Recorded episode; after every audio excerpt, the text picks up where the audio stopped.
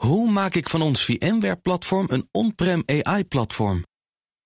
Lenklen, NVIDIA AI Enterprise Partner. Lenklen, betrokken expertise, gedreven innovaties. Tech Update. En Joe van Buurik is bij ons. Hey Joe. Dag Liesbeth en Kees. We beginnen met nog maar weer eens een ontslagronde bij een groot techbedrijf. En nu is dat Dell. Ja, de gifbeker is nog niet leeg. Want nu is Dell aan de beurt. Daar moeten 6500 banen en een beetje verdwijnen. 5% van het wereldwijde personeelsbestand. Hmm. Ze hebben 133.000 mensen uh, aan het werk, waarvan een derde gebaseerd is in de VS. Ook hier geldt: de verkoopcijfers van PC's dalen en zullen blijven dalen. Er is nog altijd angst voor een recessie, vooral in de VS. En we weten dat veel techbedrijven onder meer veel personeel aannamen. Uh, vlak nadat de coronapandemie uitbrak. Er was Ja. opeens hele sterke behoefte aan digitale communicatie. Ja, dat zagen ze wel goed. Precies, toen wel, maar die tijd is nu voorbij, zegt ook de COO van Dell, Jeff Clark. En volgens een voorspelling van IDC worden er dit jaar nog eens 2,6% minder PC's en tablets verkocht. Terwijl 2022 al geen heel goed jaar was. Ook de grote rivaal van Dell heeft hiermee te maken. Dat is namelijk HP. Ook daar moeten 6000 banen verdwijnen. Oeh. En dan, we zijn in Nederland niet zo digitaal bewust als we soms denken. Nou, zeker als het gaat om de tech-update, want we gooien nogal wat termen in de ronde en cijfers en feitjes. Maar even wat ontnuchterende cijfers over digitaal consumptiegedrag.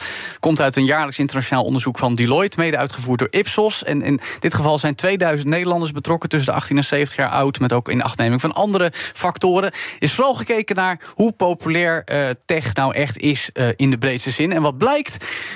Termen als metaverse, 52% van ondervraagden heeft daar nog nooit van gehoord. En kijken Van die 2000 Nederlanders. ja, dat is best dus meer veel, dan want. Terwijl in Ja. elke tweede zin die jij over- uitspreekt zit het woord Nou ja, metaverse. precies. En eh, jij, eh, al kennis over crypto, eh, zeker toen jij ook nog als tech-update jaren geleden... Mhm. 73% weet wel wat cryptovaluta zijn... maar slechts 13% van ondervraagden heeft daadwerkelijk wel eens coins gekocht. Valt me nog mee. Het valt me nog Ja. mee, inderdaad. Maar mensen zijn toch terughoudend. En 37% weet niet eens wat NFT's Maar zijn. dat lijkt me verstandig. Als je niet Ja. weet wat het is, moet je niet zomaar je geld gaan uitgeven. Klopt. Nou ja, wat dan wel gebeurt met geld uitgeven... en wat mensen wel snappen, zijn streamingsdiensten. Ja. Daar hebben we ook wat cijfers over. Netflix is bij 63% in de huishoudens ontvangen. Spotify, daar heeft 43% een abonnement. En Ziggo Go, nou, van de Nederlandse telecomprovider, 28%. Telt niet helemaal, maar is toch meegenomen in het onderzoek. Kijken we naar smartphonegebruik, dan is Samsung nog steeds de marktleider. Ah, 42% heeft een Samsung-telefoon. Bij Apple is dat 36%. En Huawei is nog steeds de nummer drie, maar heeft de helft aan markt verloren in Nederland. Wordt dus flink minder verkocht. Dus logisch met de beperkingen die door westerse overheden worden opgelegd. En tot slot nog even een hele als het gaat om tijd die we besteden op onze mobiele schermpjes. Twee op de vijf ondervraagden wil minder tijd besteden, maar 55% geeft toe. Mobiele telefoon is het eerste wat ik pak als ik wakker word. Ja. Bij de jeugd, tussen de 18 en 24 is het 68%. Ja, jij ook, Lisbeth? Ja, mijn wekker zit erop, dus het is ook logischerwijs het eerste wat ik aanraak. Oké, die tel ik dan even niet Maar mee. ga je dan daarna erop door of Nee. leg je Nee. weg? Ik ik probeer probeer direct op. op door. Precies, ik probeer dus om hem. Jullie hebben geen kinderen. Nou ja, jawel. Oh, jij wel. maar ja. ik probeer de wekker eh, even los daarvan. Probeer eerst tanden poetsen, douchen, aankleden en dan de telefoon. Dus hopelijk val ik niet bij die 55% Ehm, tot slot, we moeten even naar Frankrijk, want daar wordt een boeiende internet-porno-wet voorgesteld. Ja, want in Frankrijk, schrijft Le Parisien, zijn kinderen gemiddeld 11 jaar als ze voor het eerst digitale porno ontdekken. Dat is toch best jong. En ook de minister van Digitale Transitie, Jean-Noël Barrot, noemt dat een schande. Dus heeft hij voorgesteld dat er een verplichte leeftijdscontrole komt. Die verder gaat dan gewoon aanklikken: ja, ik ben minderjarig.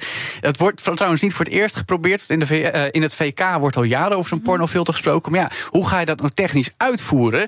Het Belgische VRT zegt dan ook dat Frankrijk een digitaal attest wil gaan eh, is handhaven.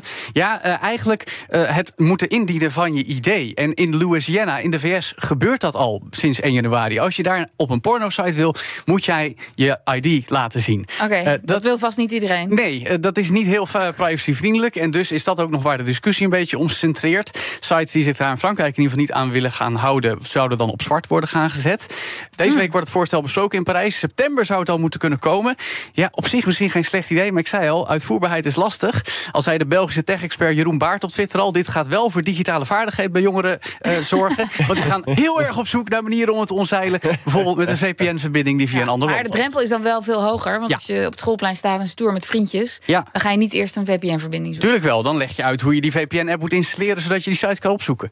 Joe staat heel vaak op het schoolplein. Nee. Dankjewel, Joe van Buurik. De BNR Tech Update wordt mede mogelijk gemaakt door Lenklen. Lenklen. Betrokken expertise, gedreven resultaat. Hoe maak ik van ons VMware-platform een on-prem AI-platform?